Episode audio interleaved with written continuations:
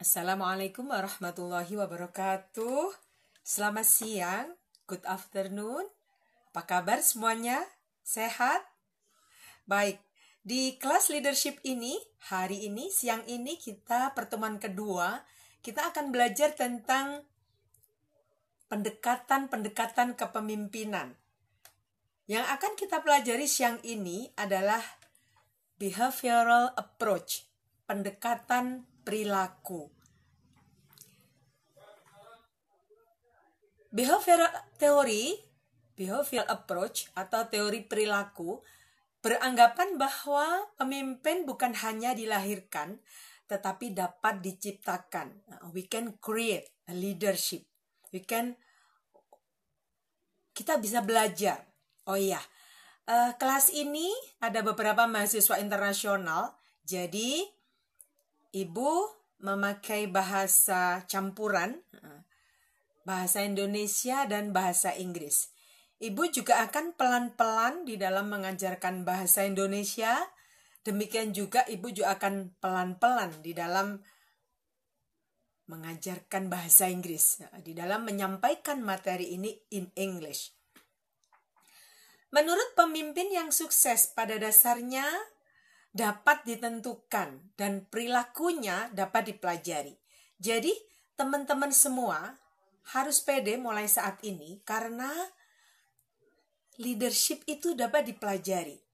Bagaimana memimpin itu bisa dipelajari, bukan bukan sesuatu bawaan lahir.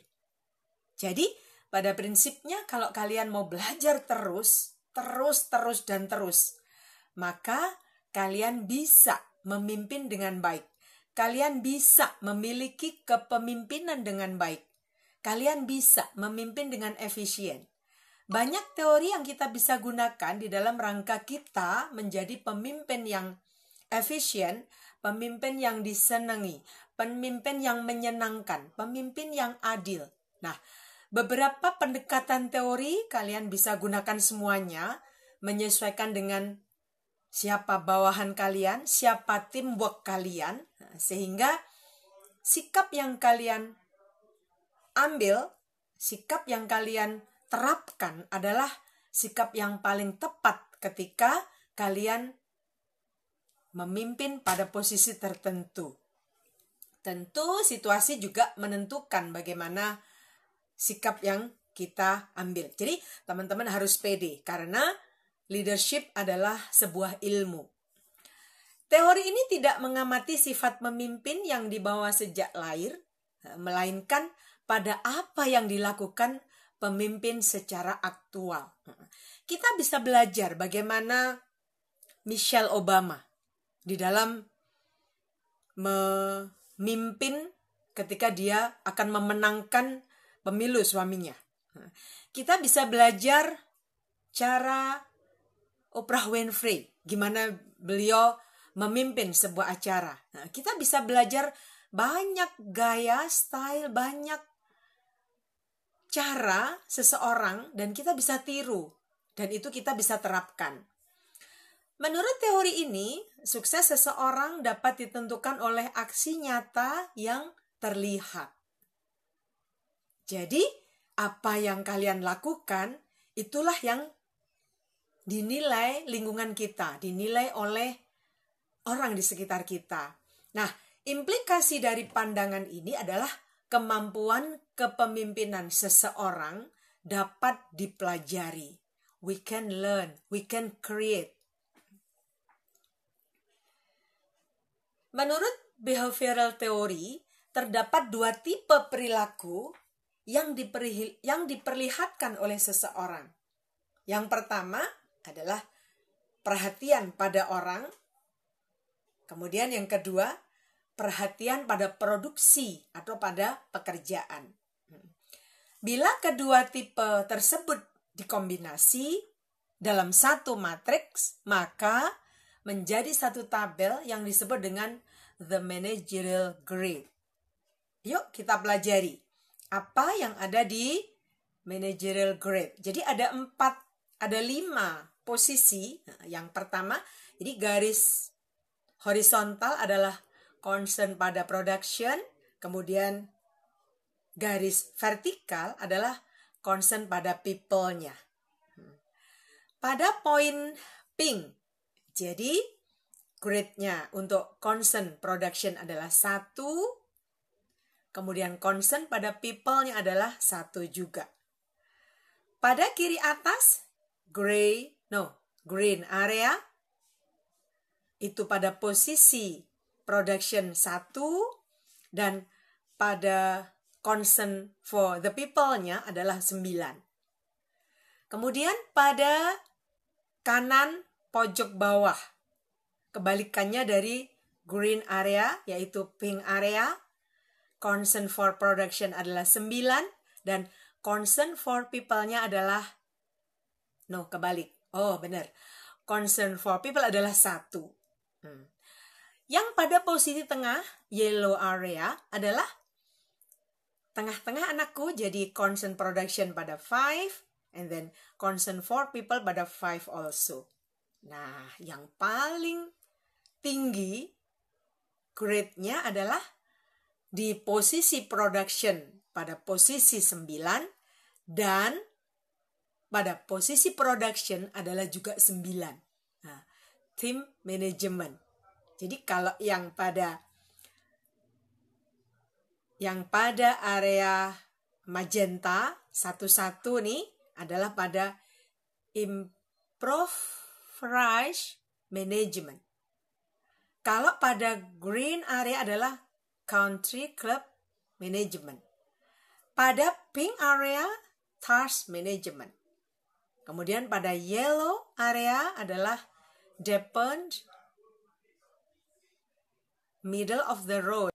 Nah, kemudian pada uh, hijau agak kebiruan nih yang pada sisi kanan atas hmm, paling pojok kanan kemudian pada posisi tertinggi baik di concern people maupun yang di production adalah team management. Pada posisi satu, the country club management, orientasinya adalah kepada tugas yang rendah, tetapi lebih pada concern ke orang tinggi. Sesuai dengan namanya, tipe ini cocok diterapkan pada organisasi sosial di mana pada jadi orientasi pada orangnya yang tinggi.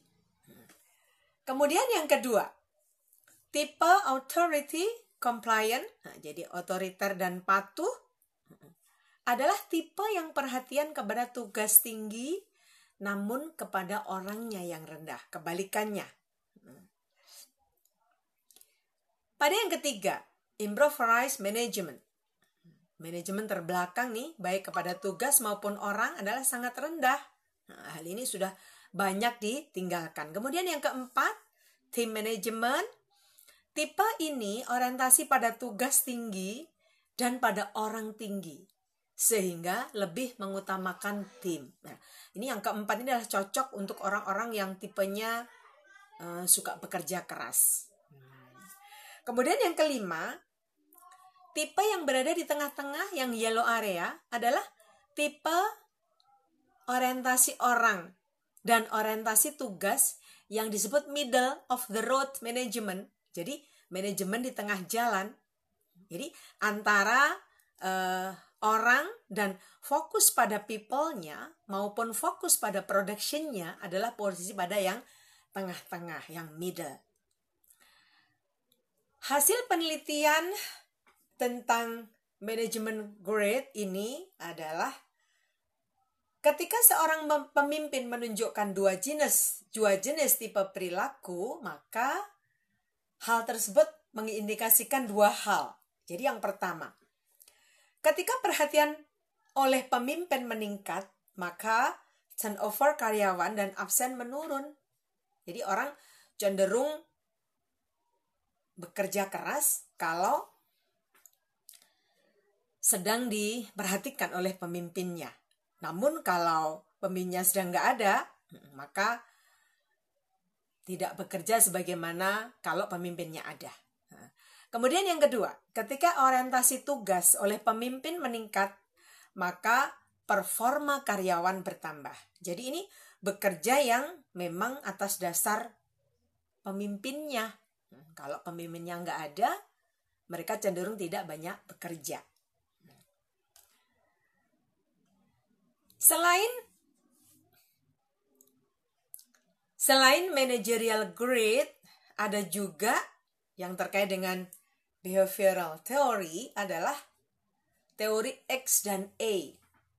Yang X dan A yang dipelopori oleh McGregor tahun 60 ini juga terkenal. Teori X dengan asumsi perilaku sebagai berikut. Yang pertama, pada dasarnya setiap pekerja memiliki sifat tidak suka dengan pekerjaannya dan akan berusaha menghindar dari pekerjaan tersebut. Nah, kemudian yang kedua, penting ya anak-anakku, everything kita harus love dulu. Jadi karakter ini juga pekerja yang nggak baik nih jadi tipe yang tidak suka tidak menyukai pekerjaannya oke kedua karena ketidaksukaannya dengan pekerjaan, maka pekerja tersebut harus dipaksa, diawasi, diancam, atau dengan reward dalam rangka mencapai tujuan yang ditetapkan. Ketiga, pekerja akan melalaikan tanggung jawab dan harus mendapatkan arahan yang resmi bila dibutuhkan. Dan keempat, kebanyakan pekerja menempatkan rasa aman di atas segala faktor yang berhubungan dengan pekerjaan dan akan menunjukkan sedikit ambisi. Oke, ini teori X ini juga jangan ditiru ya. Karena bekerja pertama nggak menyukai pekerjaannya, kemudian bekerja kalau ada reward, bekerja kalau diarahkan, bekerja kalau ada ambisi. Pemimpin di dalam proses kepemimpinannya dipengaruhi oleh persepsi dan asumsinya tentang organisasi. Ini yang A. Bawahan dan lingkungan eksternal yang digunakan sebagai dasar bagi pemimpin untuk memunculkan reaksi dan perilakunya dalam kepemimpinannya.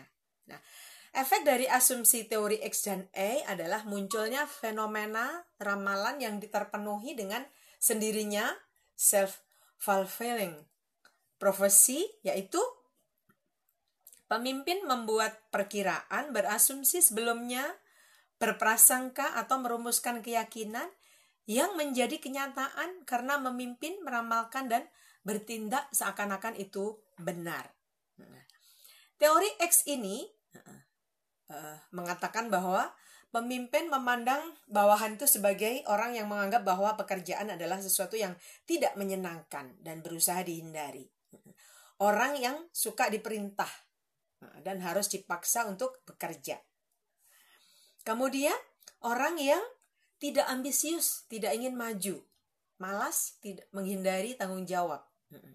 Orang yang dimotivasi terutama oleh kebutuhan pokok seperti uang dan rasa aman, tadi karena ambisi.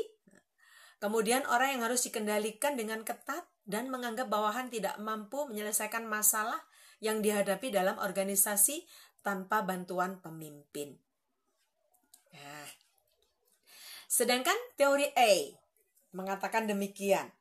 Asumsi perilakunya adalah sebagai berikut. Pekerja memandang pekerjaan sebagai kegiatan sehari-hari yang alamiah.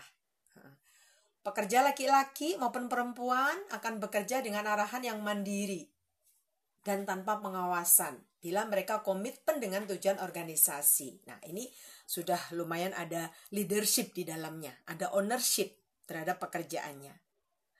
Teori A juga mengatakan rata-rata orang dapat belajar menerima, memahami, dan bertanggung jawab. Oke, hubungan yang paling tinggi anak-anakku antara teamwork adalah memahami. Memahami itu lebih dari sekedar cinta.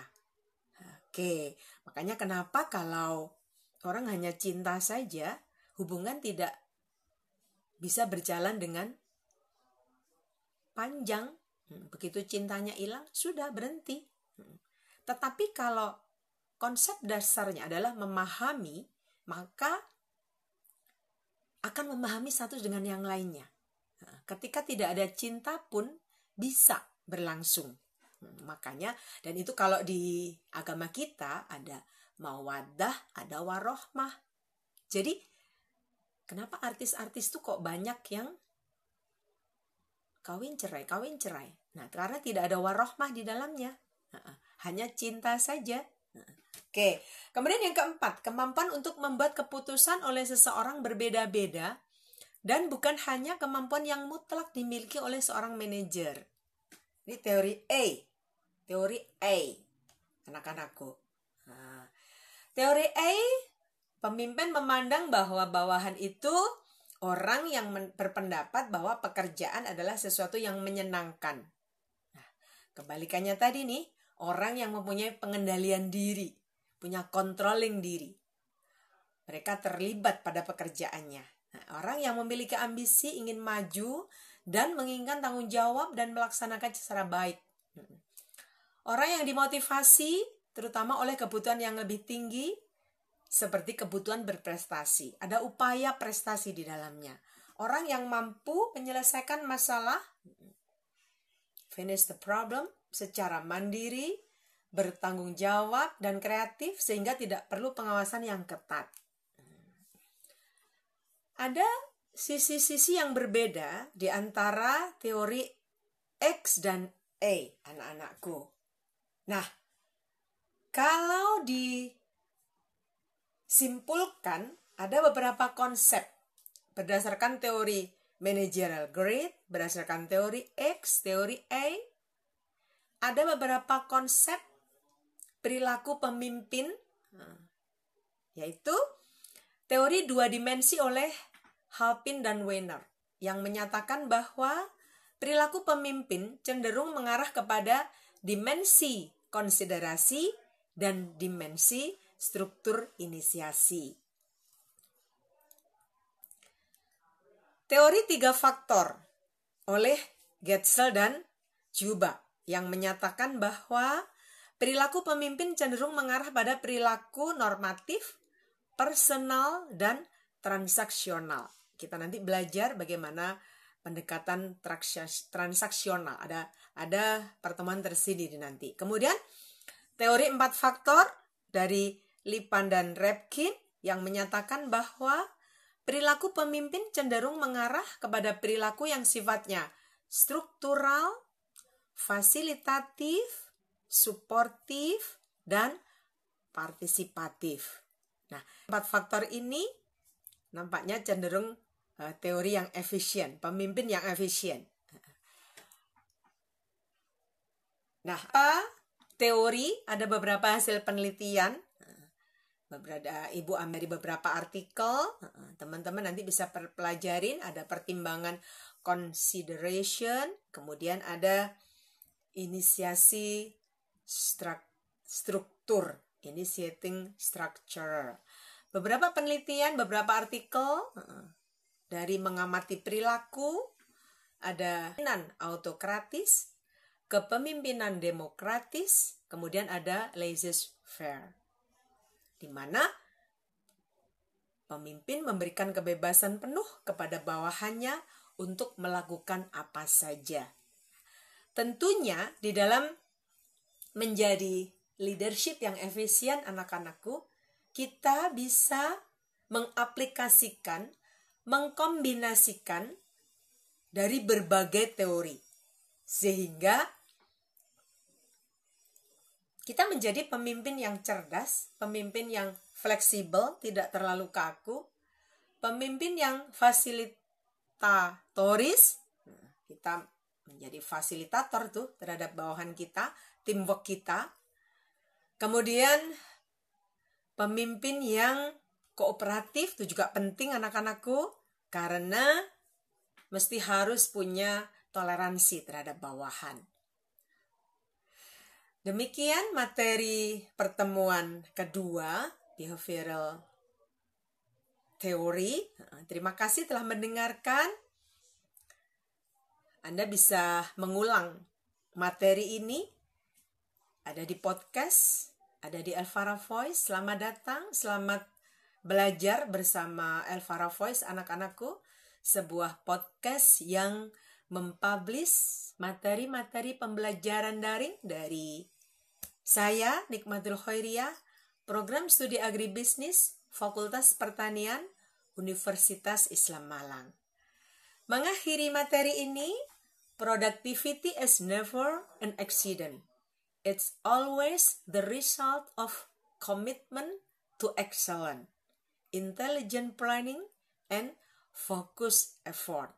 Jadi, productivity, produktivitas itu bukanlah kejadian yang tidak direncanakan, tidak tidak accident, tidak tidak semena-mena, tidak moro-moro terjadi.